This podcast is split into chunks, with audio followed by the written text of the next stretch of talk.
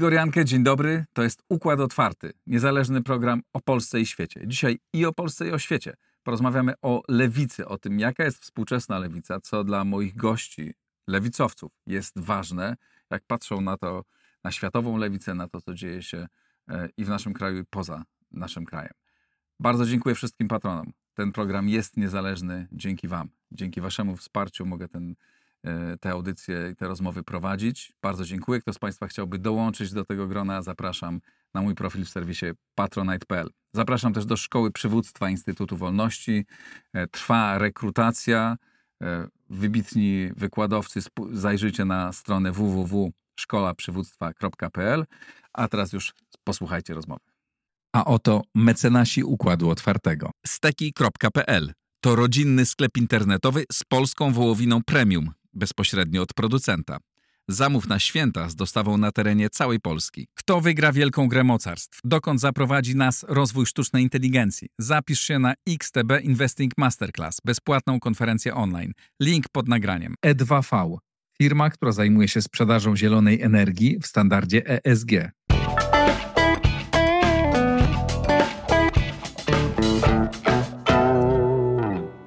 Dwie lewe ręce w układzie otwartym. Marcin Giełzak, Jakub Dymek. Dzień, dobry, dobry, cześć. Cześć. Dziękujemy e, za zaproszenie. Ja dziękuję, że przyszliście. E, Marcin wydał właśnie taką książkę, Aforyzmy. Wieczna lewica. E, o myślach. Dzisiaj będzie dużo myśli. E, Mam czy aforyzmy, zobaczymy. Tak myślimy.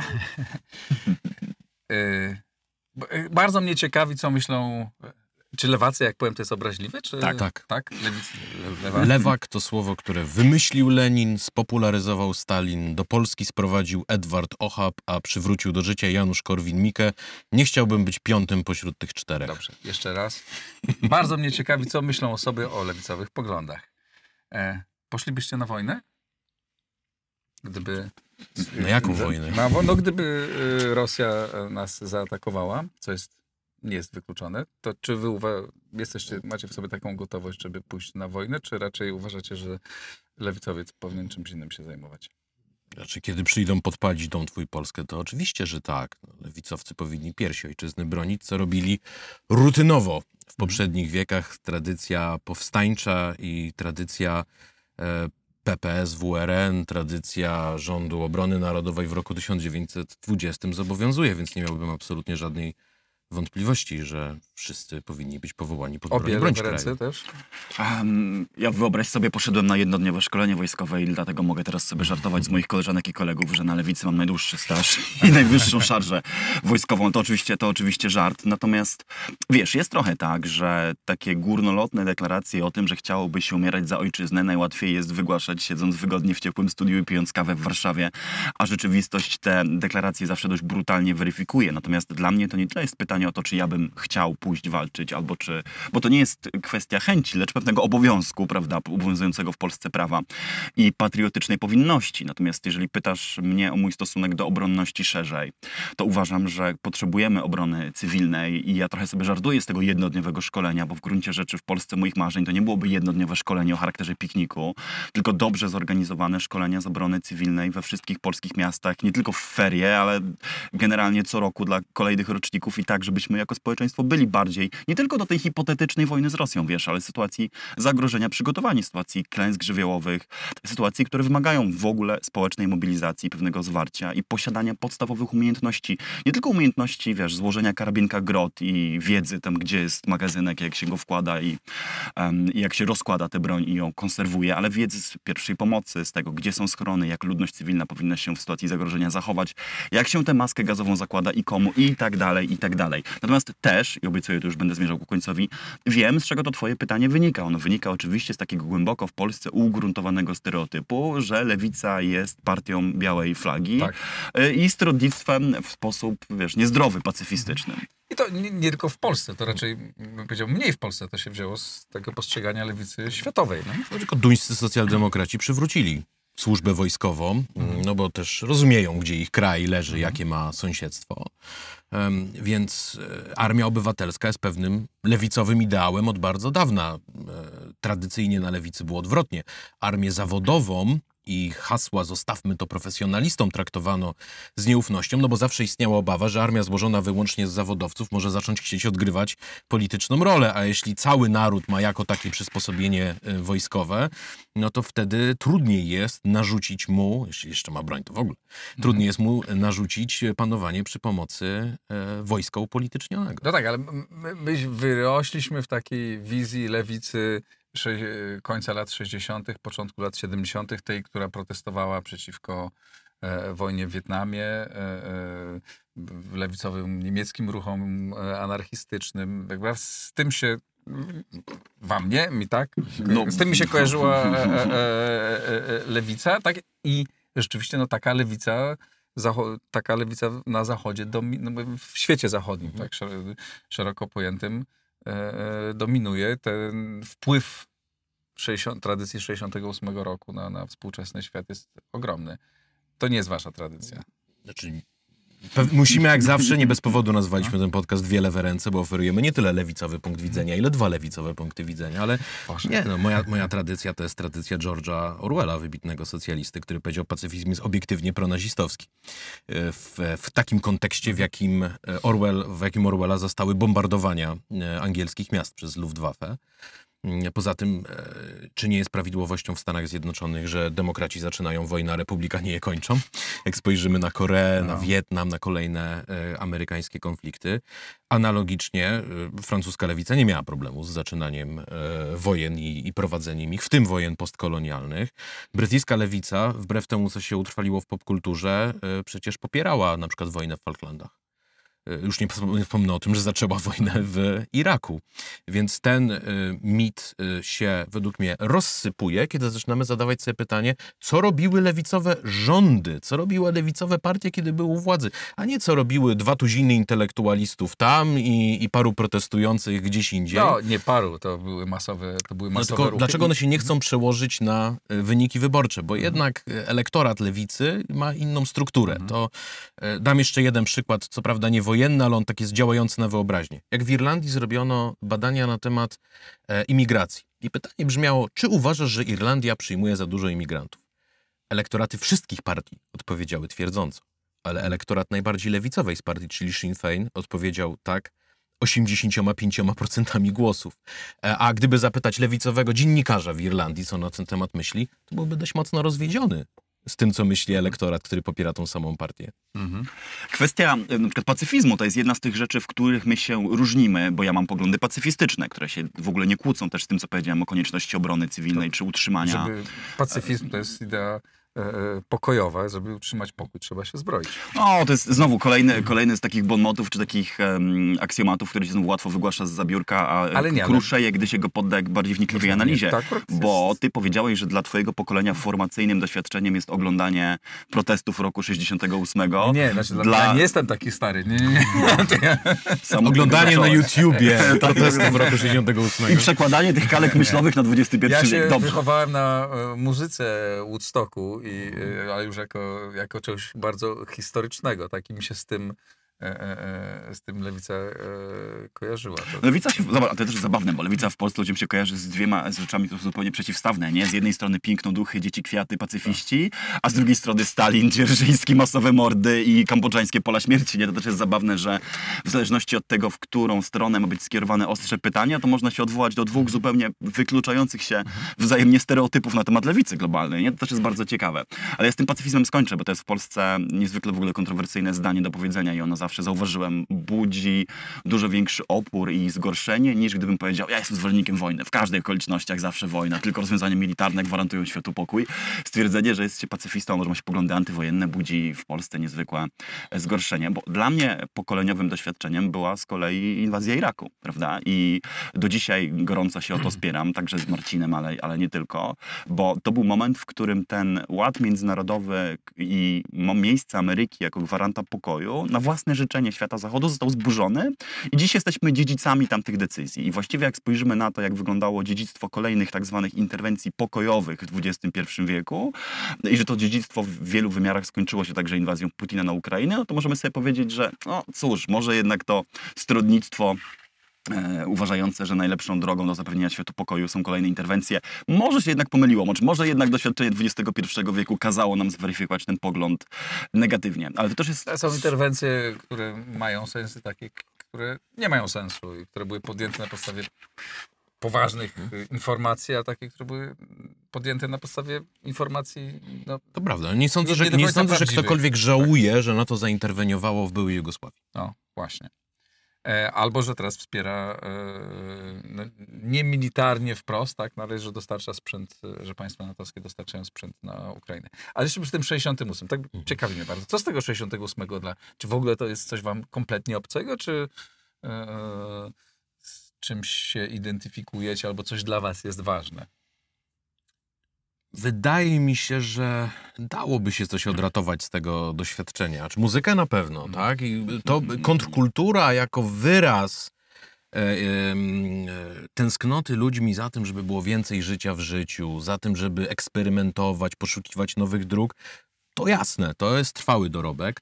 Trwałym dorobkiem też zapewne jest to, że mm, no jeżeli na przykład pomyślę, że mm, przed y, tymi wystąpieniami we Francji było tak, że mm, mężczyzna mógł spokojnie zamknąć na przykład konto w banku, ale kobieta już potrzebowała zgody męża i że były jeszcze poszczególne e, zapisy w prawie, które e, brały się z XIX-wiecznego założenia, że kobieta jest wieczyście nieletnia, to znaczy albo zajmuje się nią ojciec, albo mąż, albo syn, jeśli już jest dorosły. E, były takie, takie pozostałości, które faktycznie ten 68 rok zmiótł. No, brak edukacyjnych akademików, cały szereg rzeczy, które, które były e, przestarzałe. No, dzisiaj Mm. niekontrowersyjne rzeczy. Dzisiaj niekontrowersyjne, tak. ale jednak ktoś musiał to ruszyć pierwszy, więc w, w takim rozumieniu pewnego aggiornamento zachodniego świata, to tak, ale, mm, ale e, według mnie p- puenta, koda roku 68 dobrze pokazuje, ku czemu to wszystko szło. To Puenta znaczy, czyni? to, znaczy to, to? To, że wszyscy ci ludzie, którzy robili tą, tą rewolucję, no, ostatecznie zostali em, menedżerami w korporacjach, zostali politykami w parlamencie europejskim i są w sumie dość zachowawczy i bardzo zadowoleni ze status quo i są jego obrońcami. No ale w, I ja uważają wiem, siebie za buntowników, bo noszą dżinsy i chodzą na koncerty rockowe. No nie, i organizują e, bardzo silny ruch polityczny nie? E, w Stanach Zjednoczonych zwłaszcza. E, Ten cały... Te, Dzisiaj... to, to, co robią, e, to właśnie, o, ciekaw jestem, znaczy, wiem mniej więcej, co sądzicie, ale po, powiedzcie o tym, co sądzicie o, e, no właśnie o wpływie tej generacji na, na współczesne korporacje amerykańskie, na to, jak te korporacje promują pewne wartości w sposób dosyć e, no, kontrowersyjny. Znaczy, y, po pierwsze, wiesz, to nie jest też tak, że jak ja się budzę rano i patrzę w lustro, to zastanawiam się, czy widzę tam, o, wiesz, odbicie Herberta Marcuse'a czy Jacques'a Derrida, tak? I co wniosłem z lat 60. To nie jest coś, co poddajesz świadomej refleksji codziennie się jakoś w tym głęboko przeglądasz. Ale rzeczywiście Marcin do tego nawiązał i to jest arcyciekawa rzecz. Jedną z moich ulubionych książek to są lata 60. Jenny Diski. Taki pamiętnik nieco tylko fabularyzowany właśnie londyńskiej, angielskiej popkultury lat 60., gdzie ona pisze fascynującą rzecz. Znaczy, po pierwsze, że bunt lat 60. był możliwy dlatego, że istniało państwo dobrobytu i że ci wszyscy ludzie, którzy kontestowali pokolenie swoich rodziców, osiągnięcia powojennego welfare state, e, wszystko to, co państwo robi, mogli to robić, bo państwo im zapewniało bony edukacyjne, tam bezpłatne stołówki, dobre miejsca pracy, generalnie społeczeństwo trochę pełnego zatrudnienia i tak tak. To jest pierwsza myśl, którą z tej książki można wyciągnąć, że w ogóle istnienie państwa ugruntowało warunki do podobnego buntu i kontestacji, ale druga, być może jeszcze ciekawsza jest taka. Otóż z indywidualizmu tego buntu, z tego, że ci ludzie wychodzili pod hasłami nam wszystko wolno, możemy robić co chcemy, chcemy się realizować, najważniejsze są nasze potrzeby, zauważcie nasze pragnienia i wrażliwość, z tego indywidualizmu nie wyrósł świat powszechnej, lewicowej równości i egalitarne społeczeństwo, tylko wyrosła generacja, która doskonale odnalazła się w Wielkiej Brytanii Margaret Thatcher. Tak? Która świetnie odnalazła się w korporacjach, w świecie, gdzie ten indywidualizm oczywiście gwarantuje wolny rynek, ale przede wszystkim też ścieżka kariery wiesz, w wielkich firmach, gdzie na odpowiednio wysokim szczeblu kariery to już każdy sobie realizuje swój indywidualizm. Nie pod postacią jogi, new age'u, palenia kadzidełek, jakichś alternatywnych kultów religijnych, wolnego seksu, używek. Wtedy już każdy sobie jest tym wymarzonym hipisem lat 60., jak już zrobi karierę w tym korpo. I to są dwie rzeczy, które były prawdziwe o latach 60. i w wielu wymiarach, jeżeli przeniesiemy tę dyskusję w czasy dzisiejsze, w trzecią dekadę XXI wieku, wciąż są prawdziwe. No Tak, tu jeszcze mogę dodać jedną rzecz. E, Jest arcyparadoks tego dziedzictwa polegający na tym. Jeżeli chodzi o ten hiperindywidualizm, o którym mówił Jakub, to panowało hasło bierz swoje oczekiwania za rzeczywistość. E, to znaczy, ym, jesteś tak wyjątkowy, że możesz mieć swoją własną płeć, swoje własne zaimki, e, musisz realizować siebie na każdy możliwy sposób. Tak? Znaczy, e, reklamy sieci, rekla, reklamy sieci fast foodów w pewnym momencie to było, musisz łamać zasady. Em, więc w tej mierze bierz swoje oczekiwania za rzeczywistość. Ale jeśli żądasz najmniejszej choćby zmiany w tym, jak zarządza sobą społeczeństwo na niwie gospodarki, na niwie wyrównywania szans, etc., a nie, tutaj już bierz rzeczywistość za swoje oczekiwania. I powiedz sobie, że ty zawsze chciałeś być de facto taksówkarzem, tylko bez praw pracowniczych. Zawsze chciałeś mieszkać kupą z siedmioma innymi studentami, bo to takie sharing economy i to jest teraz modne. Zawsze chciałeś żyć w mikrokawalerce. Czyli zależnie od tego, co w danym momencie bardziej wspiera status quo, y, to można tą monetę, ta moneta może spaść jako reszka albo jako orzeł. A ja- jak patrzycie na to, co dzisiaj się dzieje w Stanach Zjednoczonych głównie i na, na wybrzeżach jednym, e, jednym i drugim, gdzie właśnie no, albo ci, którzy albo ich dzieci tych, którzy w 68 roku, no, takie dzieci i- ideowe, kulturowe dzieci, tak, 68 roku wprowadzają e, tą, no, bardzo silnie ideologizują e, e, życie i intelektualne, tak, bo uniwersytety bardzo się, e, ra, radykalnie się e, zmieniały i, i biznesowe, no bo e, e, cały biznes też bardzo mocno się w to e, angażuje. E, Co to dla, jakie to dla was jest? Co, Ty studiowałeś w? Stanach, więc opowiedz swoich kombatanckich doświadczeniach. Ja mam zacząć jakaś, dobrze, jakaś 90-minutowa anegdota o studiowaniu w Stanach.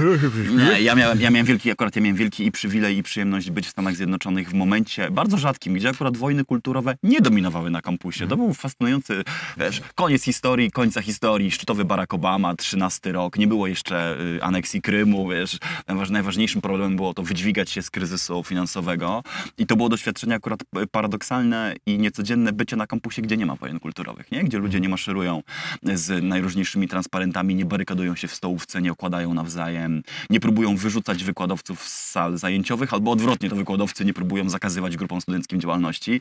Więc w tym sensie akurat moje jednostkowe doświadczenie studiowania w Stanach Zjednoczonych ma na szczęście też dla mnie niewiele wspólnego z tym, jak wyglądają w Stanach Zjednoczonych wojny kulturowe. Ale wiesz, w twoim pytaniu jest też zaszyta pewna pułapka, bo to jest kwestia y, pytania o to, co jest skutkiem, a co jest przyczyną. Mhm. Czy korporacje dzisiaj narzucają postępową czy pseudopostępową agendę w popkulturze, na uczelniach i w świecie biznesu, dlatego że, dlatego, że kazały im to robić radykalne grupki studentów, czy odwrotnie, narzucanie tego rodzaju e, propozycji Mm, Tak jak mówił Marcin, no, kompletnej wolności w kwestii zrealizowania swojej własnej tożsamości e, jest tylko sposobem na to, żeby ludzie nie zgłaszali, czy sposób na pacyfikację innych żądań. Żeby nie rozmawiali o płacach, o nierówności w miejscu pracy, o deficycie systemu ochrony zdrowia, o e, problemach w, na rynkach finansowych czy e, z e, rynkiem kredytów mieszkaniowych, jeżeli mówimy o Stanach Zjednoczonych na przykład, a jeżeli mówimy o Polsce, również. w- Ale to przy, przy tych Stanach. To, ale uważacie, Okej. że to jest tak, że oni to przykrywają jedno drugim, a to nie jest tak, że po prostu wyrośli w tej kulturze, to zaczęło tak dominować i to ich towarzystwo, tych ludzi... Ale o co oni dbają? O w, wynik spółki dla akcjonariuszy. Znaczy, myślisz, że ich celem jest wiesz, pro, przeprowadzanie rewolucji społecznej w Stanach Zjednoczonych, która byłaby wbrew interesom gospodarczym tych firm? Wiesz, to, to, to byłoby głęboko nielogiczne z punktu widzenia samego systemu gospodarczego w Stanach Zjednoczonych. Nie, no właśnie jest tak, że bardzo Ale to, prosta to, rzecz. takie, to nie jest uproszczenie duże, to, to, to mówisz w tej Znaczy nie, to że oczywiście, że, dba, że dbają o wynik, tak? tylko że te motywacje podejrzewam, że są bardzo różne. Są również towarzyskie, są pewne kręgi, w których się y, obracasz i już nie wypada robić czegoś y, innego. Tak w Hollywood nie wypada y, wygłaszać pewnych poglądów, że nie, nie wypada. Nie też nie wypada, po prostu nie można, bo jak, jak, jak pomyślisz o tym, że chcesz wygłosić jakiś niepoprawny pogląd, to już tracisz pracę No, ko- na bardzo długo. Ja, ja zawsze pytam, co z tego wynika w praktyce, tak? Czyli nie jakie są założenia, Mhm. tylko tak kierując się dobrą zasadą zaczerpniętą z nauki, jaką jest cybernetyka. System jest efektami, które produkuje produkuje. Nie jest swoją nazwą, nie jest narracją wokół niego, jest efektami. No, efekty dla lewicy są opłakane. To znaczy, to o czym teraz mówimy, to jest najlepsze narzędzie do niszczenia lewicy od czasów faszyzmu. Tak. To prowadzi do sytuacji, w której wygłaszając poglądy, które są poglądami wszystkich korporacji z listy Fortune 500, amerykańskiego korpusu piechoty morskiej brytyjskiej rodziny królewskiej, można być lewicowcem i radykałem. I to prowadzi też do przewartościowania wszystkich lewicowych wartości. No bo na przykład ja powiem, że interesuje mnie równość. Oni powiedzą, nie, nie, nas interesuje reprezentacja. To nie jest to samo. Potrzebujemy mieć wybranego geja jako dyrektora, potrzebujemy mieć wybranego czarnego Amerykanina jako wiceprezesa, mamy reprezentację. A jaki będzie los wszystkich pozostałych czarnych Amerykanów czy wszystkich pozostałych gejów, to już jest bez, bez znaczenia, ponieważ mamy reprezentację. Kolejna sprawa, no my mówimy wyzysk jako kryterium w dalszym ciągu istotne. Wcale nie, nie takie znowu ideologiczne. W polskim kodeksie cywilnym jest wyzysk, tak? Definiowany jako nieproporcjonalność świadczeń wymuszona przymuszowym położeniem jednej ze stron. E, oni mówią, nie, nie, żaden tam e, wyzysk uprzedzenia.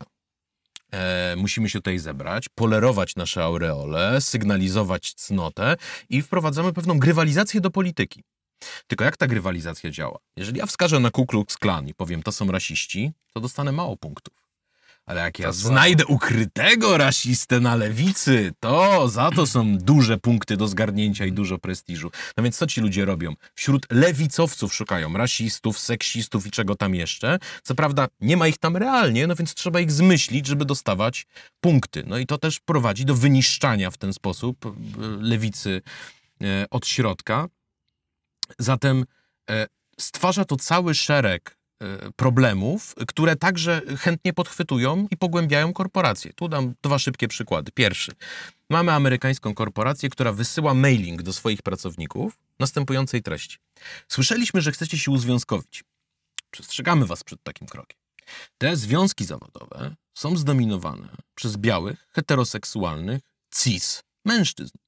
Tymczasem nasza firma w naszej deklaracji e, równości i różnorodności i inkluzywności akceptuje wszystkie formy ekspresji płciowej, wszystkie rasy i tak dalej, i tak dalej. związki zawodowe już nie są wam więc potrzebne. odepchnijcie te związki zawodowe, bo możecie zawsze pójść na skargę do HR-u, jeśli jest jakiś problem, prawda?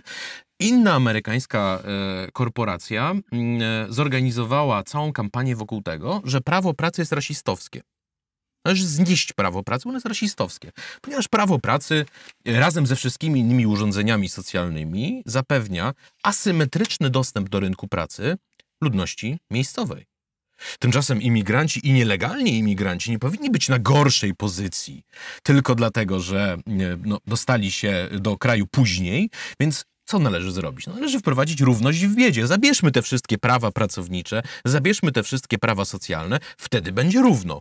Każdy będzie miał szansę się realizować, zaczynając dokładnie z tego samego punktu.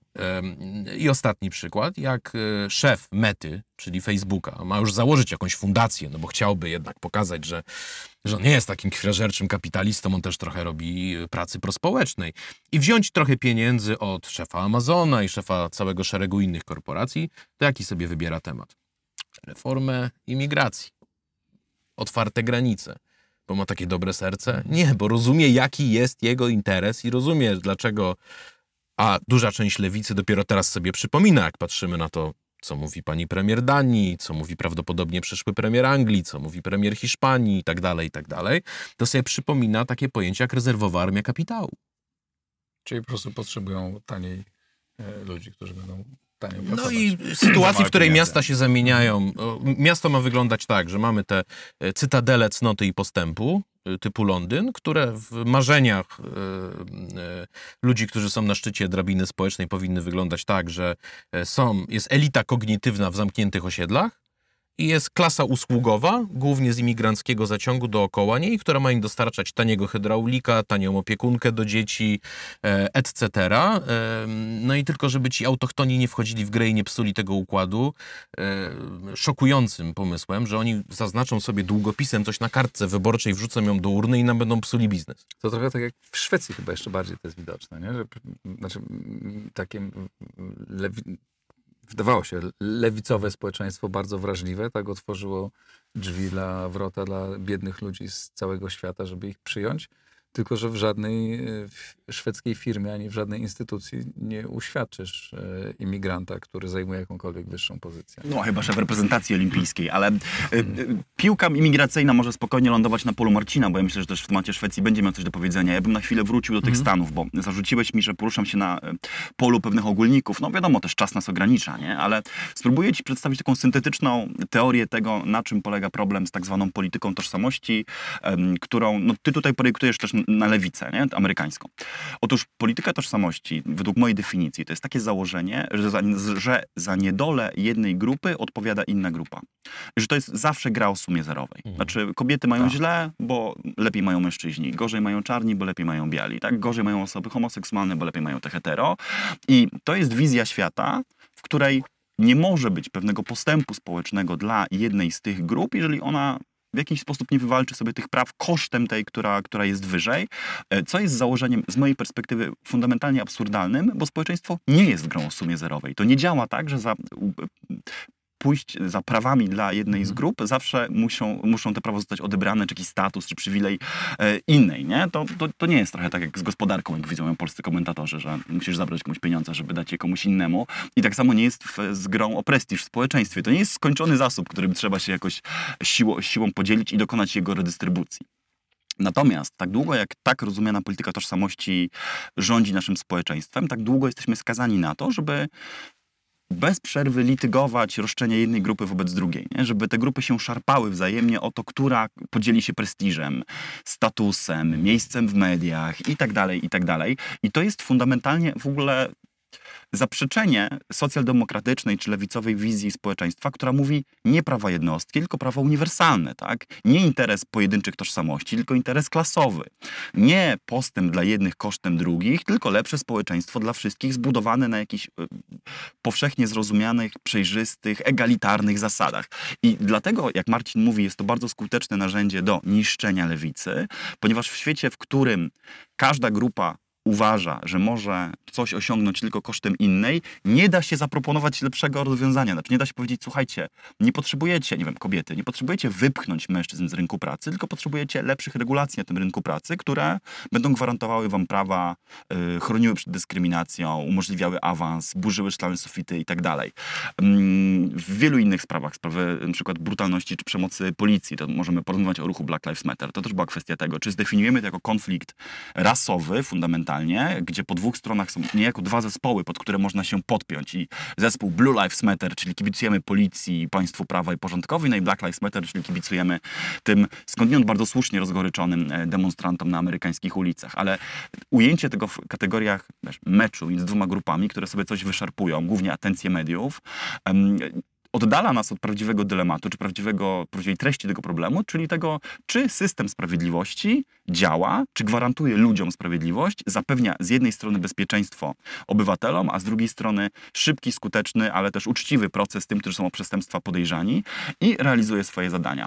Polityka tożsamości, tu wracam do tej lewicy, niweczy tą uniwersalną opowieść, z którą lewica do polityki wchodzi. Znaczy mówi, że nie musicie walczyć o, o ten prestiż, czy nie musicie jako jednostki walczyć o swoje miejsce w społeczeństwie. My damy wam coś szerokiego, taką szeroką platformę, na której, na której może się ten awans e, udać. I stąd polityka tożsamości jest tak niebezpieczna dla lewicy. Tak, no tu mogę tylko dodać, że gdybyśmy zapytali e, przeciętnego człowieka, który poczuwa się do lewicowego systemu wartości, czy Martin Luther King w Stanach Zjednoczonych, e, czy Stephen Biko w RPA, czy, Ble, e, czy Blaise Dean we Francji byli bohaterami, no to pewnie by powiedział, no oczywiście, że tak.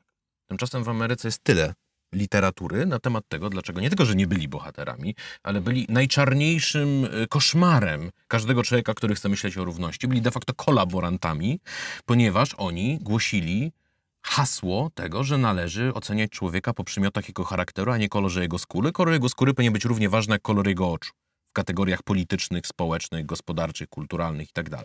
No a nowa szkoła mówi, nie, kolor skóry jest najważniejszą rzeczą, którą możemy powiedzieć na temat człowieka i tworzy to różnice, które są nieprzekraczalne. Ale gdzie cała zabawa zaczyna się naprawdę? E, otóż ona się zaczyna w momencie, w którym przychodzi teoretyczka taka jak powiedzmy Robin DiAngelo, która napisała książkę o białej kruchości. I ona jest pytana, no dobrze, ale to skoro opisuje pani, na czym polega problem, że tu rasizm jest tak wszechobecny, no to gdzie jest ten rozdział, z którego dowiemy się, co ma teraz Ameryka zrobić, żeby sobie poradzić z tym problemem? Nie, nie, nie. Gdybyśmy tak zaczęli mówić, to również byłby przejaw rasizmu, bo biały zbawca przychodzi, więc na wszelki wypadek nic nie zróbmy, tak? Czyli zachowujemy absolutnie status quo, które istnieje. Pogarszamy E, status czy quo, pogarszamy wycofamy sytuację, policję, no, tak a- i- A y, u nas jeszcze się często używa takich określeń typu marksizm kulturowy, prawda? Mhm.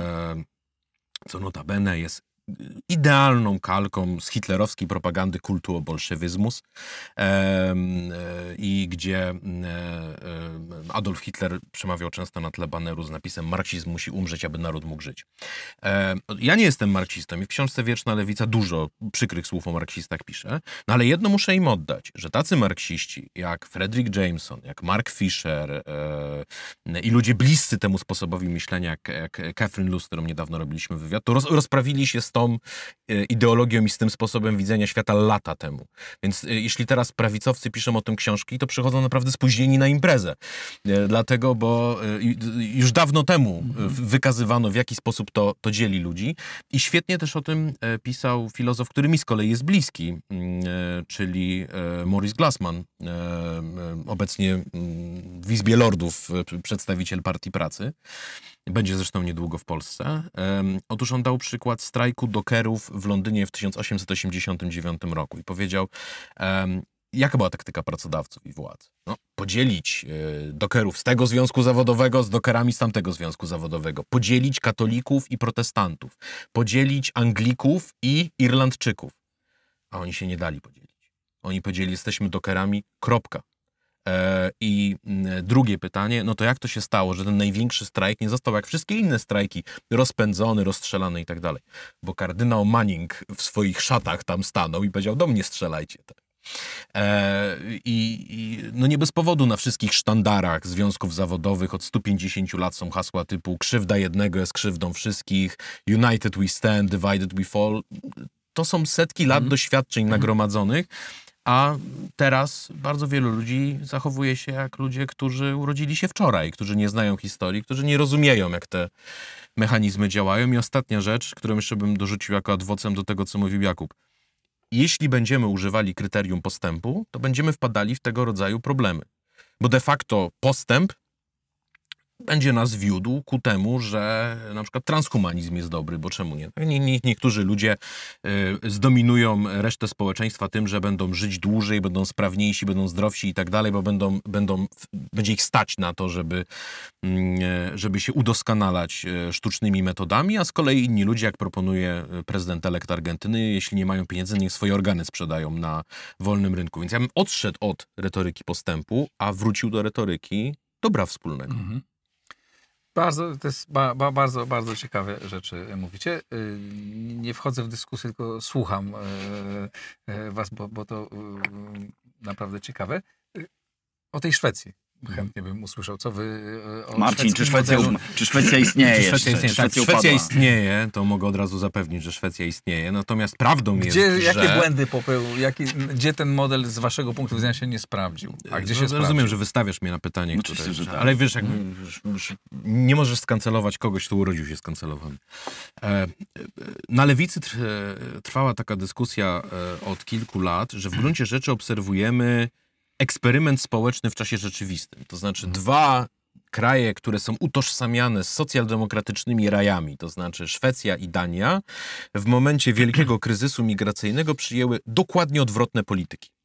Więc wszyscy mogli powiedzieć, no to teraz my z oddalenia obserwujemy, jak idzie jednym i jak idzie drugim. Socjaldemokraci duńscy wybrali politykę, e, którą nie da się określić innymi słowy niż drakońska. Ona jest drakońska nie tylko na poziomie tego, że nie wpuszczamy ludzi do Danii i jesteśmy w stanie wyjść z porozumień unijnych i będziemy domagać się rozlicznych wyjątków od unijnych traktatów dla siebie, po to, żeby przyjmować mniej ludzi. E, Notabene to samo teraz powiedziała Francja i kiedy zapytano ministra spraw wewnętrznych Francji, no ale jak ktoś pójdzie do unijnych trybunałów, to co zrobicie? Nie będziemy szanowali e, wyroków unijnych trybunałów i usłyszymy, a, bo to Francja, więc można, e, ale to rzucę już jako, jako przypis. Ale ona też jest drakońska, jeżeli chodzi o to, co się dzieje wewnątrz Danii. To znaczy rząd duński e, to, co chyba nazwalibyśmy utraconymi terytoriami królestwa, tak? czyli obszary, gdzie się nie mówi po duńsku, gdzie się odnosi do Danii bardzo często z niechęcią i tak dalej, no to mówią, my po prostu wyeksmitujemy wszystkich ludzi, którzy tam są i te mieszkania sprzedamy albo wręcz zburzymy. I ta ludność musi zostać rozproszona w Danii i tam dochodzi do rzeczy tak drakońskich, za co zresztą moim zdaniem słusznie mm, wyrzucono, e, wyrzucono odnośną e, ministrę, to znaczy mm, do rozdzielania dzieci Ministrę, od... tak. tak Tak. i, I przepraszam, ja jestem antykomunistą, nie jestem w stanie używać języka, który w Polsce się w czasach stalinowskich e, utrwalił. Jak wezmę słownik warszawski z 1910 roku, stoi jak wół gościni. E, słowo kierowca i kierowczyni pojawiły się w języku polskim w tym tego samego dnia. W 1912 roku. Język się zmienia. Ale ja nie akceptuję zmian, które zostały wprowadzone y, na mocy zmieniania języka polskiego na polskawy, ponieważ y, na przykład nie poddam deklinacji. Co- to jest za zdanie? Doktor powiedziała doktor, żeby zapytała doktor, czy doktor wypisała receptę. W języku polskim jest deklinacja. Natomiast jeżeli wyrzucimy feminatyw, to mówimy mianownik, mianownik, mianownik. To już jest dla mnie język polskawy. Nie, no, wprowadzono te, te wszystkie łamańce typu kobieta, myślnik, powstaniec. To jest dziedzictwo stalinizmu, z czego notabene Powstanka. Yy, tak. Yy, a, a, Ale to mówisz, piastun, mówisz piastunka? Ale to dzisiaj... mm, Mówisz, o, pewne nie- orędowniczko nie- nasza, poczy, pocieszycielko nasza, czy orędowniku nasz, pocieszycielu nasz, albo...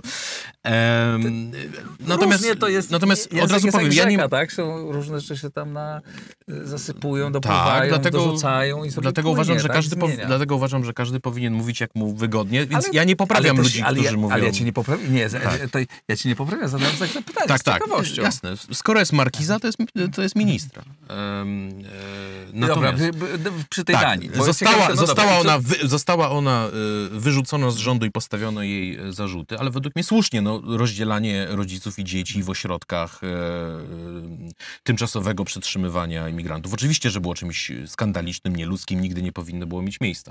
Ale taka jest polityka Danii. Szwecja przyjęła Szwecja, politykę no. dokładnie odwrotną. Właściwie politykę otwartych drzwi. Tak.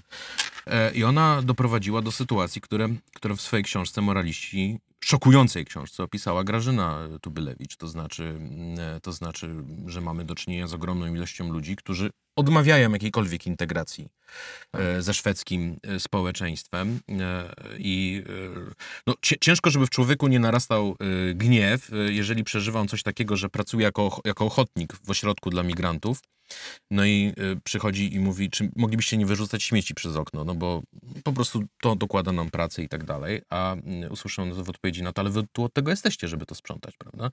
Czy, y, czy na przykład nie respektuje się zakazu palenia, dlatego, bo to kobieta powiedziała, że nie wolno palić, a to jest poniżające, żeby słuchać kobiety, czy że ktoś kogoś tam pobił do nieprzytomności, ponieważ nie brał z nim udziału w modłach y, i nie zwrócił się w stronę Mekki i tak dalej, i tak dalej. Tak, powstały te wszystkie dzielnice. Więc, więc gdzie jest problem? E, Problem zidentyfikowany też został przez szwedzką lewicę. To znaczy, e, dwoje ostatnich premierów lewicowych Szwecji powiedziało tak, to był błąd. Popełniliśmy błąd. No ale Powiedzieli tak to- naprawdę zaczęli coś z tym robić dopiero rząd obecny. To prawda. Natomiast powiedzieli, popełniliśmy błąd. Gdzie leży błąd? Em, imigracja powinna sięgać liczbowo do poziomu, w którym da się tym ludziom zapewnić pracę i da się ich zintegrować. Mhm. Jeżeli, no bo to, to jest po prostu kwestia liczb. E, System opieki zdrowotnej, system szkolnictwa, to wszystko ma swoją wyporność. Rynek pracy i tak dalej. Da się integrować jednostki.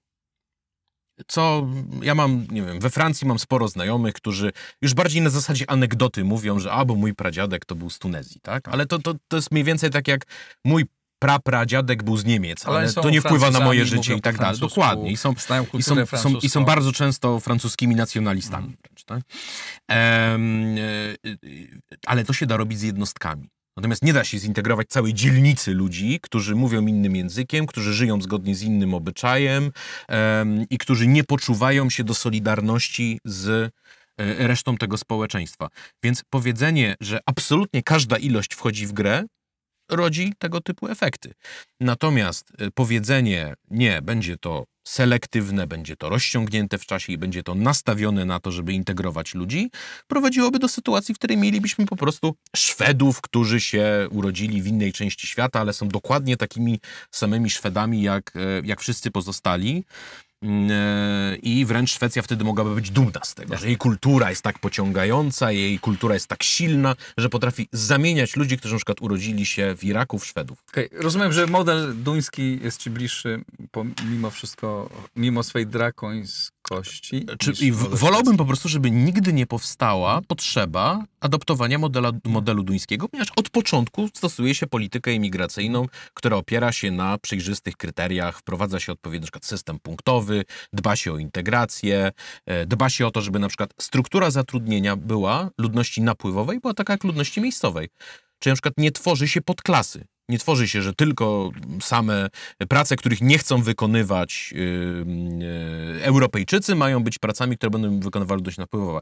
Nie, nie, potrzebujemy też lekarzy, którzy są yy, po, pochodzenia pozaeuropejskiego, i prawników, i architektów, i tak dalej. Musimy im stwarzać te możliwości, ponieważ jeżeli struktura zatrudnienia ludności napływowej i ludności zastanej jest podobna, to tego typu napięcia nie powstają. To samo na przykład z mieszkalnictwem. Jeżeli ludzie są rozproszeni, napięcia nie powstają. Jeżeli są skoncentrowani, zupełnie inny sport. To mnie, bardzo mnie martwi, jak ja z wieloma rzeczami, które mówicie, się zgadzam i odkrywam sobie jakieś e, niebezpieczne... Nigdy nie jest, nigdy nie jest za późno na konwersję, wiesz. Spór o imigrację jest żywy i on jest żywy również między nami, bo o ile Marcin ma... Idźmy do Polski teraz z tą imigracją. Dobrze, nie ma problemu. Polska Nie, jest nie. krajem, który nie ma polityki migracyjnej, nie ma doktryny migracyjnej. E, Ale jest, I no- te wszystkie, e, wszystkie postulaty, które wygłasza e, Marcin tak elokwentnie, w naszym kraju jestem całkiem o tym mocno przekonany, pozostaną w sferze e, marzeń i życzeń, ponieważ w Polsce to, jak realnie wygląda migracja, jest dyktowane przez rynek. Mamy do czynienia z czymś, co badacze nazywają w Polsce procesem prywatyzacji migracji na niesłychaną e, skalę. Więc oczywiście w teorii, znowu siedząc sobie wygodnie w ciepłym studio w Warszawie, nagrywając program, możemy w teorii sobie rozmawiać. System kanadyjski, australijski, duński, dowolny. W rzeczywistości polską polityką migracyjną kierują dzisiaj lobby rolnicze, sadownicze i przemysłowe, pod które to lobby politycy będą układać politykę. Z drugiej strony Ale dokładając wejdę- wejdę- benzyny do ognia, jakby do szowinizmu i uprzedzeń. I to jest rzeczywistość, w której żyjemy, która się mocno rozjeżdża z tym, co my sobie na poziomie postulatu, czy pewnej wyobrażonej wizji społeczeństwa, gdzie jest i zarówno i imigracja, i integracja, i dobry rynek pracy głosić. No tak, ale musimy znaleźć jakiś model, który dla...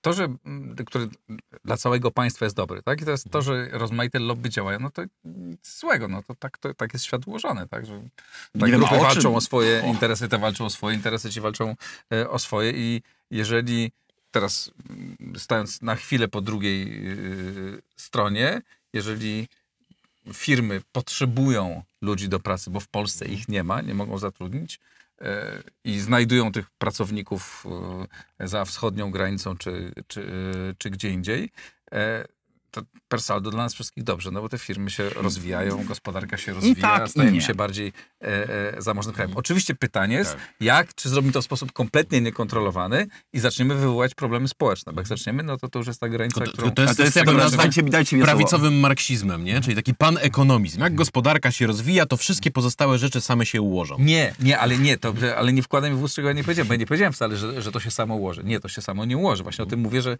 ja też jestem zwolennikiem, bo na, z przerażeniem e, coraz bardziej zauważam, że w wielu sprawach możemy się zgadzać. E, Tu są, e, znaczy bardzo potrzebna jest polityka imigracyjna. Nie? Boję się, że jakby nas za chwilę będą czekać poważne problemy chociaż Nie, one już jest istnieją, moment- one już istnieją, wiesz? Dobra, dobiję się w końcu do słowa, wiesz? Na tym polega prywatyzacja migracji. Dokładnie na tym, że zyski z imigracji do Polski są przejmowane przez firmy, które dzięki temu mają taniego pracownika, A dyspozycyjnego ponosimy pracownika, wszyscy. a koszty, ale związane z czym? Związane na przykład z presją na rynek mieszkaniowy. Mhm. No, próbowałeś wynająć mieszkanie w Warszawie w ciągu ostatniego roku, wiesz. Em, Edukacja, tak? Kilkanaście ukraińskich dzieci w klasie. Albo kilkaset tysięcy ukraińskich dzieci, które w ogóle nie są w szkole. Em, 150 tysięcy. E, system ochrony zdrowia, kolejki do lekarzy i rosnące mity e, związane z tym, że Ukraińcy rzekomo mają preferencyjny dostęp, albo na przykład, że Ukraińcy przyjechali tutaj tylko zrobić sobie zęby, albo jakiś, nie wiem, drogi zabieg i wrócić z tym na Ukrainę. Presja na system emerytalny i znowu obawy przed tym, że Ukraińcy uzyskają w Polsce preferencyjne uprawnienia emerytalne i będą, wrócą z nimi na Ukrainę i będą tam żyć. To są wszystko społeczne koszta, znaczy zarówno obawy same w sobie generują koszta, no bo na przykład zaburzają spójność społeczną, ale też są to realne koszta pod względem tego, ile rzeczywiście polski system, przede wszystkim usług publicznych, będzie ponosił nieproporcjonalnie więcej obciążeń związanych z integracją i obsługą napływowych, znaczy nowych po prostu naszych sąsiadów, współpracowników, kolegów, koleżanek, tak, imigrantów w Polsce, których nie chcą ponosić firmy, bo te same firmy powiedzą, że nie chcą płacić dużych składek, że nie chcą ponosić większych A obciążeń pytanie, w związku czy- z tym, że mają imigracyjną A, siłę a roboczą. ja podejrzewam, Chcą nisko, mało płacić. A ja tak podejrzewam, że ja jestem wielkim. E, znaczy, ja mam bardzo dobre zdanie o, o przedsiębiorcach, zwłaszcza polskich przedsiębiorców. Uważam, że to oni zbudowali te. Znaczy, wszyscy zbudowaliśmy, tak? Ale jakby oni byli tymi mo- motorami, które, e, e, e, które doprowadziły do, do miejsca, w którym dzisiaj jesteśmy, które nie jest idealne, ale jest już całkiem, e, całkiem niezłe. I nie mam wcale takiego przekonania, że oni by, zwłaszcza ci, którzy potrzebują e, imigrantów, że oni by bardzo opierali się temu, gdyby do tych do każdego imigranta zatrudnionego dać im tam, nie wiem, 5% mm, jakiegoś podatku, który muszą odprowadzić e, na rzecz tego, żeby tego e, imigranta wprowadzić do polskiego społeczeństwa. Nie? Gdyby wiedzieli, że dzięki Chętnie temu mają spokój i mogą normalnie funkcjonować, podejrzewam, że e, zgodziliby się na to, bo oni, każdy ci, ci duzi przedsiębiorcy, z nimi dosyć często o, o, rozmawiam, oni doskonale rozumieją procesy, nie? I wiedzą, że na końcu wyciśnięcie tej cytryny do końca wcale się nie opłaca, bo to jest krótko, to, krótko takie terminowe mm, Tylko po e, pierwsze- spojrzenie. Po pierwsze, ja nie mówię o scenariuszach teoretycznych, tylko o czymś, co się już w Polsce dzieje. To znaczy i miasteczka kontenerowe, nie? i e, dyktowanie polityki migracyjnej tak naprawdę przez agencję pracy tymczasowej i w ogóle kompletna też delegacja funkcji państwa na te prywatne podmioty, to nie jest coś z jakby mojej lewicowej wizji świata, którą ja ludzi tutaj straszę. To jest fakt, który się w tym momencie w Polsce dzieje. Badacze mówią, że my już jesteśmy społeczeństwem masowej migracji. Polska już jest krajem, który de facto na tej migracji polega. Zachęcam do wizyty wiesz, w przychodni w Warszawie, w przedszkolu, w szkole, w jakiejkolwiek no, to placówce usługowej. no tak, więc to- właśnie. Tylko pytanie, czy to mamy z tym problem? Czy już Nie, mamy no z tym problem? raz. Czy... To nie jest problem. Znaczy, w ogóle definiowanie migracji tylko jako problemu samo w sobie też jest problemem. To jest zjawisko, z którym na świecie mieliśmy do czynienia od zawsze i dalej mamy z nim do czynienia. Dyskusja dotyczy tego, w jakie ramy prawne czy instytucjonalne to ująć i kto ostatecznie ma za to zapłacić, kto ma być beneficjentem i kto ma na siebie wziąć odpowiedzialność. Dzisiaj w Polsce jesteśmy w sytuacji, w której na przykład przez ostatnie kilkanaście miesięcy drastycznie rosły ceny najmu mieszkań. Potem jeszcze zresztą rząd pomógł wyczyścić mieszkania z rynku przy pomocy fatalnego programu Kredyt 2%. Ale jednocześnie temu towarzyszyła narracja, jesteśmy gościnni wobec Ukraińców, jakim jesteśmy społeczeństwem przyjmującym, e, poszukujących pomocy sąsiadów, jak świetnie się tam integracja udała. Po pierwsze, ona się w ogóle nie udała, bo nikt jej systemowo nie prowadził. Po drugie, udała się ona tylko dzięki dobrej woli jakby społeczeństwa, a po trzecie, i tak obyła się pewnym bardzo realnym kosztem. Ona się udała kosztem trochę tak przez, tak się, przez przypadek. no tak? więc właśnie, gdy Polska mówimy, że... specjalność działać bez państwa. Tak, więc gdy mówimy teraz, że potrzebujemy jakiejś polityki migracyjnej, to ona na przykład powinna dotykać dokładnie tego problemu. Czy na przykład, wiesz, w, w, znam, podejrzewam, że znam twoją odpowiedź, czy zgodziłbyś się na kontrolę czynszów w dużych polskich miastach? Kontrolę czynszów? Mhm. Nie, nie zgodziłbym No właśnie, o, to, jest, to jest też ten polski mental, nie? Że, A w Anglii jest, a we, w ruszać. Anglii jest, we Francji jest. W, w Holandii, w Danii, w wielu po- w społeczeństwach europejskich jest, ale dlaczego? No właśnie chociażby dlatego, żeby uniknąć sytuacji, no, dzięki której, wiesz, spekulanci, e, wielkie fundusze, czy po prostu e, pazerni właściciele mogą zarobić na sytuacji ja myślę, że, to jest, kryzysowej. że trzeba działać wcześniej, a nie na etapie e, kontrolowania czynszów, tylko mm, No, projektowania całej długofalowej polityki. Nie tak, ma państwa, nie ma państwa, nie ma państwa, gdzie mógłbyś zaprojektować politykę na przyjęcie dwóch milionów ludzi w miesiąc. Znaczy, a myśmy to w Polsce zrobili. No tak, nie, ale- nie, nie zbudujesz... Ale to jest e, super specjalna sytuacja, tak? Ale kto za nią zapłacił? To jest świetne pytanie. Znaczy, skąd się biorą antyimigracyjne uprzedzenia? Czy kto zapłacił jakby jakiś koszt społeczny związany z przyjęciem uchodźców z Ukrainy? Znaczy nie zapłacił tego wielki biznes, bo ma taniego pracownika. Wielki biznes jest zachwycony, nie? Ukrainki są wykształcone, zdolne, utalentowane, pracują, potrzebują tej pracy, tak? Y, Deweloperzy zapłacili ten koszt? Nie, deweloperzy, deweloperzy mają złote żniwa. Banki? Nie, no banki się mają świetnie, mają nowych klientów, stopy procentowe są wysoko, kredyty są udzielane na 2%. Kto zapłacił realnie? Taki, na kogo został przeniesiony koszt integracji czy, czy przyjęcia Ukraińców w Polsce, nie? No, ale czy na, w ogóle... na klasę niższą, średnią i na klasę e, pracującą, która konkuruje o te same zasoby. To jest ciekawe, Pytanie, że... czy myśmy po, ponieśli rzeczywiście koszt, ponieważ państwo ma koszt. duże Ka- wpływy. y, Każde zjawisko Dzięki temu, że się generuje. pojawiło wielu Ale ja nie mówię, że nie. Ja nie mówię, że nie. Polska w perspektywie dekad będzie beneficjentem tego, co się stało. Jestem o tym przekonany. Znaczy, Polska będzie beneficjentem w Już przestrzeni... nawet jest trochę beneficjentem. Ale znowu, czyli jeżeli mamy jakieś obowiązki lewicowe, jeżeli mam jakieś obowiązki lewicowe, to lewicowym obowiązkiem jest analiza klasowa, tak? Ja ci próbuję pokazać, miałem ten sam spór z Witkiem Juraszem, wiesz co z tobą teraz? Próbuję ci pokazać, jeżeli ktoś zadaje pytanie, czy Polska zyskała na pomocy Ukrainie, to ja zadaję pytanie kto? Znaczy polska zbrojeniówka na przykład na pewno tak, no, a polscy najemcy w dużych miastach na przykład nie. To akurat nie. No, ale, To akurat, ale to nieważne. no dobrze, ale wiesz o co mi chodzi, tak? No, tak, czy, tak, tak, tak.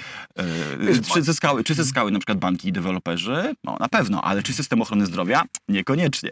Wiesz, y, czy polskie rodziny, które teraz posyłają dzieci do szkół, które to szkoły mają liczne problemy i także jednym z tych wyzwań, przed którymi te szkoły stoją, jest integracja z dzieci z Ukrainy. I ja w żadnym wymiarze ani nie winię tych rodzin, ani nie zrzucam odpowiedzialności na e, obywateli i obywatelki Ukrainy, którzy są ofiarami tej sytuacji, tylko pokazuję wyzwanie. To jest wyzwanie. Ale to I to jest ciekawe, i to jest bardzo ciekawe, że kiedy Marcin mówił o problemach Szwecji, to kiwałeś głową, nie? Znaczy, walenie w Szwecji było bardzo, bardzo w porządku. A kiedy teraz mówimy o de facto tych samych wyzwaniach, tylko nie związanych z Somalijczykami, Erytrejczykami czy Irakijczykami, tylko Ukraińcami w Polsce, to nagle ten sam wątek staje się nie wiadomo dlaczego kontrowersyjny. To jest Nie, bardzo ale- ciekawe. Nie, nie, prze- ale ty mi, w- ja jeszcze nic, ja nic, nie, prawie nic tu nie mówię, bo Słyszę jestem, twoje riposty, Nie słyszę jestem, twoje nie, riposty. nie jestem od tego, żeby, jestem tutaj od tego, żeby słuchać, bo jestem was ciekaw e, i na tym polega układ otwarty, że jestem ciekaw moich gości. Jakub wychwycił na krawędzi zdania. Tak, jeszcze, może, nie, nie, ja widzę zagrożenia i ja zgadzam się z tym, że są wezwania. Nie z wszystkim musimy się zgadzać, tak? Znaczy jakby nie, Nie, nawet nie powinniśmy, bo tylko Ale y, absolutnie uważam, że jest nam a, potrzebna polityka e, imigracyjna.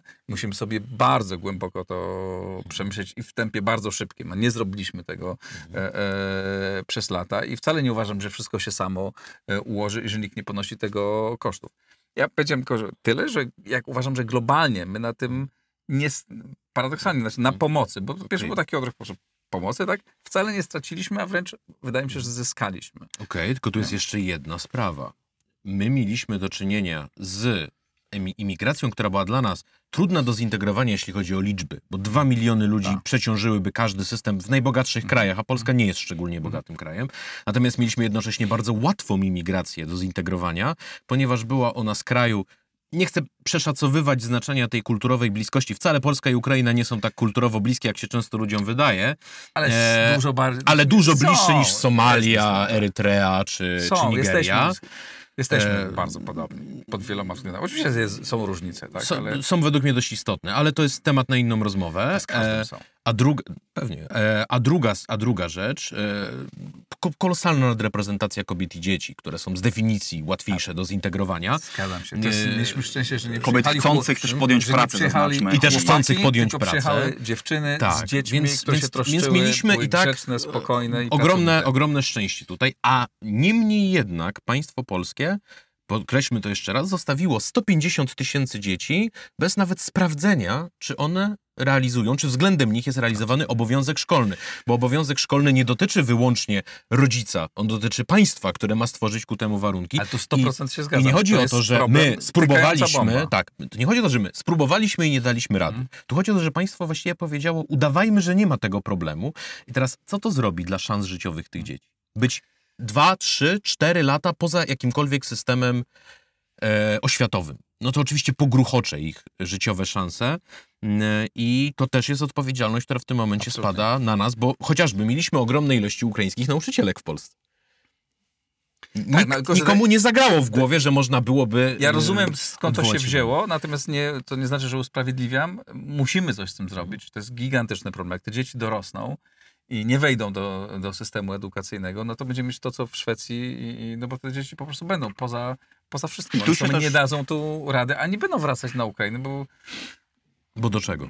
bo do czego? Nie? Znaczy w większości, znaczy w dużej części. Yy, I to jest... yy, yy, Nie, nie, tu mam, to mam pełną świadomość tego, że to jest, to jest problem. Ale tu się też różnimy, wiesz, bo kiedy mówisz y, musimy, to warto natychmiast zadać drugie pytanie, y, kim są ci my w musimy? Znaczy, bo nie zrobi tego biznes, wiesz, przedsiębiorcy... My, my państwo. em, no właśnie. A właśnie, nie, bo, Państwo, samorząd, państwo, państwo, znaczy- instytucje, instytucje społeczeństwa y, i państwa, administracja publiczna i samorządy, tak? Też ja myślę, sektor że- publiczny to będzie musiał zrobić. Znaczy rynek tego nie zrobi, wiesz? Ale z czym się nie zgadzam z wami zapewne, znaczy tak domniemanie się z wami nie zgadzam. Dawaj, dawaj, Mam dawaj, nadzieję, to, to w, w, w, po- w postrzeganiu roli przedsiębiorców, tak? Znaczy ci ludzie, akurat mam przyjemność po, miałem okazję, przyjemność poznać ich wielu. Nie twierdzę, że wszyscy, bo oczywiście są świetni, średni, niezbyt mądrzy, ale generalnie to są ludzie bardzo odpowiedzialni, tak? No bo po prostu mają dużo,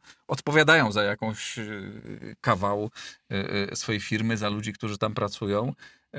I y, ci ludzie rozumieją mechanizmy, powiem tak, znacznie lepiej niż przeciętny człowiek, ponieważ jakby mają do czynienia ze skomplikowaną machiną, nie?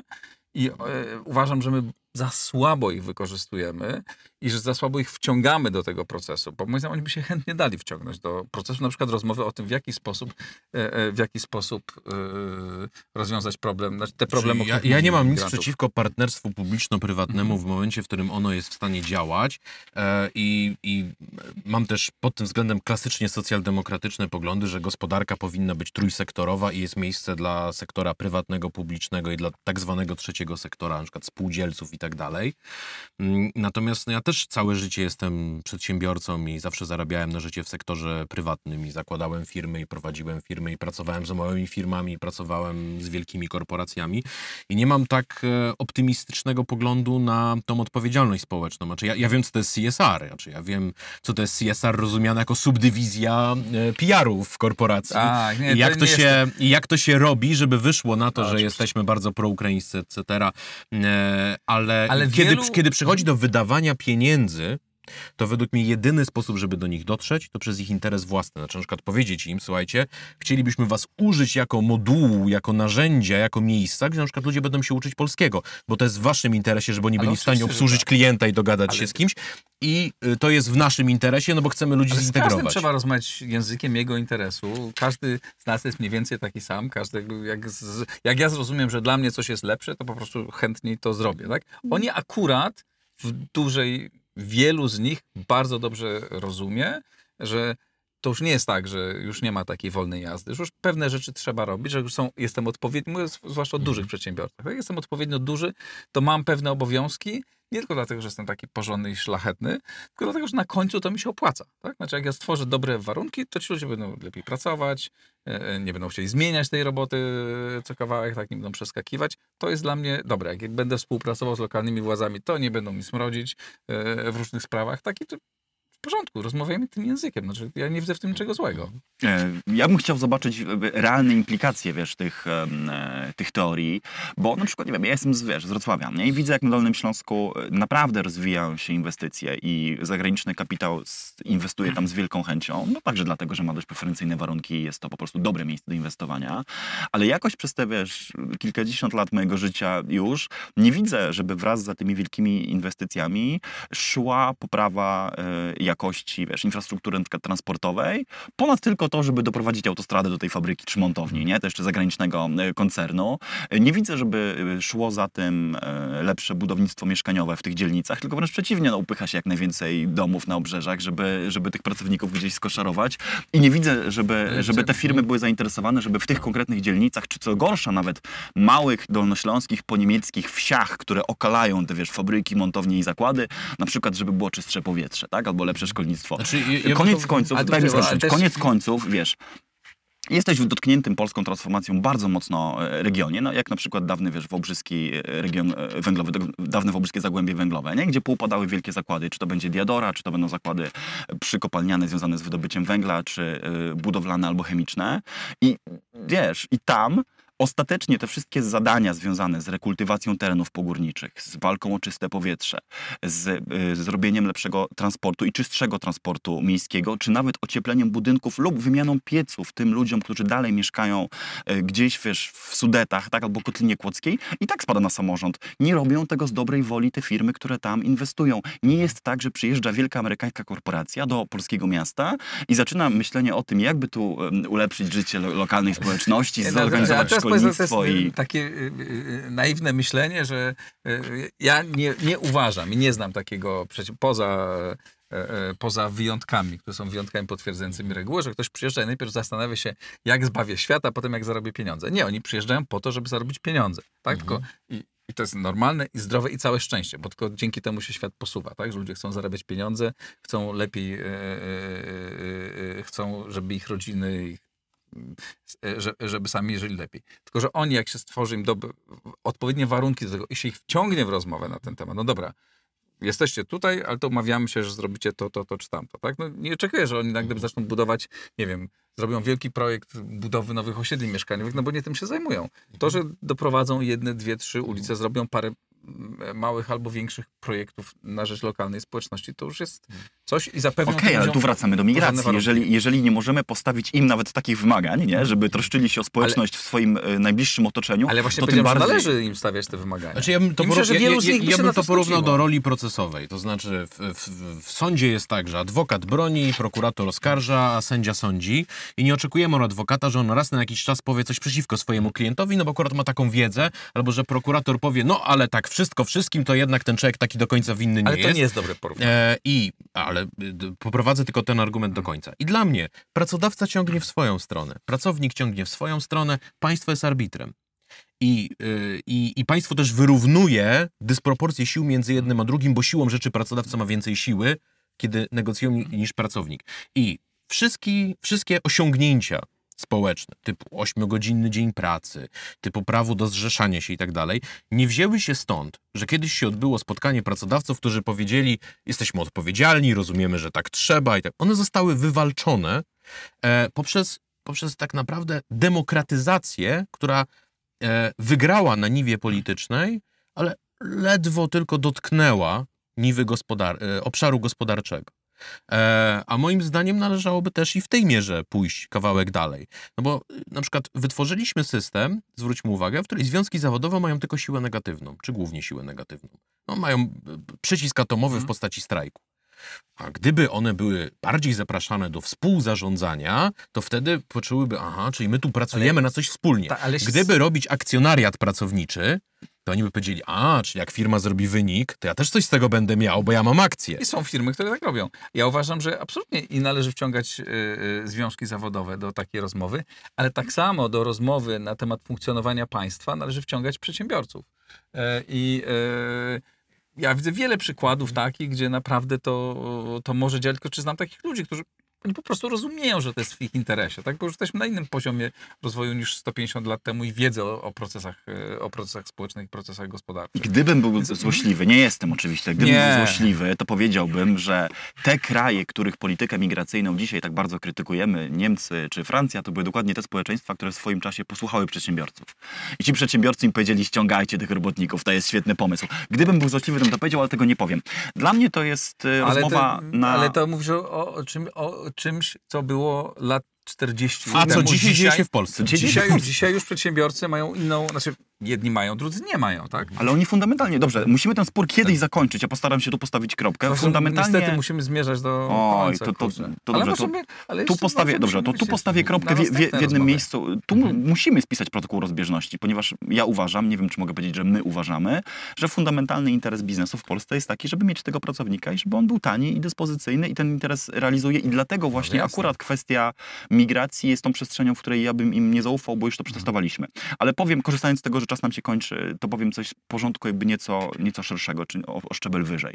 Dla mnie to jest w ogóle fundamentalne pytanie o model rozwojowy dla Polski, ponieważ w naszym kraju transformacja się już skończyła. No możemy się spierać, kiedy się ona skończyła, czy w roku 15, czy wcześniej, czy później, ale ten etap jest zakończony. Znaczy my jesteśmy już Ten etap społeczeństwem... transformacji, bo ona się nie skończy, moim zdaniem, no będzie to- trwała, tylko Moim zdaniem inna. jesteśmy już społeczeństwem zachodnim, z zachodnimi e, problemami politycznymi, dylematami i wyzwaniami rozwojowymi, czego sam fakt, że połowę dzisiejszej rozmowy spędziliśmy o imigracji do Polski, a nie z Polski, jest najlepszym dowodem. Oczywiście. 15 czy 20 lat temu mielibyśmy dokładnie inną rozmowę, jak zatrzymać ludzi w Polsce, żeby milionami Ale nie jest to uciekli do Anglii czy Danii. fantastyczne, że doszliśmy do momentu, kiedy jesteśmy atrakcyjni, kiedy mierzymy się z innymi problemami. Jesteśmy tak? taką starą, zasiedziałą zachodnioeuropejską demokracją, że spór polityczny jest e, uporządkowany wokół konfliktu od 20 lat tych samych dwóch partii politycznych. To nie, to nie jest. Ale to jest w jakimś sensie- to jest zaczęliśmy- y, zupełnie coś innego i to dokładnie, my też tu akurat myślimy Mówiłem, tak to, samo. mówiłem to sarkastycznie oczywiście. Tak. Więc musimy to rozmawiać o tym w ogóle w szerokim kontekście całego rozwoju Polski, bo ja wiem, że dużą część naszej dzisiejszej rozmowy zajęła migracja i, i na, na, nasz spór też o rolę przedsiębiorców, y, ale to jest paradoksalnie tylko element w ogóle szerszego pytania o model rozwojowy i o to, co my, będąc już w klubie największych gospodarek świata i państw o najwyższym poziomie życia na świecie, ja wiem, że to w Polsce zawsze brzmi jak herezja, ale jesteśmy w klubie państw o najwyższym poziomie życia na świecie, dalej z tym zrobimy. Znaczy, co zrobimy z tym, Po, że są całe powinniśmy już regiony być w wykluczone? G20, od razu powiem, tylko Tak. nasi politycy nie umieli tego ugrać, ale my już jesteśmy jedną z 20 największych Jesteśmy. gospodarek. Ale jeżeli pra prawdopodobnie przyszły premier Zjednoczonego Królestwa z ramienia Partii Pracy, czyli Keir Starmer, mówi, że e, Wielka Brytania nie może rywalizować tanią siłą roboczą i wywierać presji na to, żeby wynagrodzenia trzymać nisko, tylko firmy muszą być innowacyjne, no to co dopiero y, Polska może w tej mierze powiedzieć, bo nasze miejsce w globalnym podziale pracy jest w rywalizowaniu póki co tanią siłą roboczą. Umówmy się, że za jakiś czas wrócimy do tej rozmowy na temat przyszłości. Bardzo mnie ciekawi, bo to jest ogóle znaczy pro, problem dalszego rozwoju Polski yy, bardzo mnie ciekawi, nawet też o tym zrobiłem też swoją książkę. Yy, umówmy się, że pogadamy o tym, bo bardzo nam się Jesteśmy bardzo umówieni. ciekawi. Yy, I tu postawmy dzisiaj kropkę. Super. Bardzo wam, bardzo wam dziękuję. Wielkie Wiele w dzięki za ręce w pokładzie e, otwartym, który jest naprawdę otwarty, czego ta rozmowa dowodem. E, napiszcie, co sądzicie. Podejrzewam, że tych komentarzy będzie tam bardzo, bardzo dużo. E, sam nie wiem jakie. E, zobaczymy. Dzięki, subskrybujcie, wspierajcie na Patronite. Pozdrawiam, do następnego razu.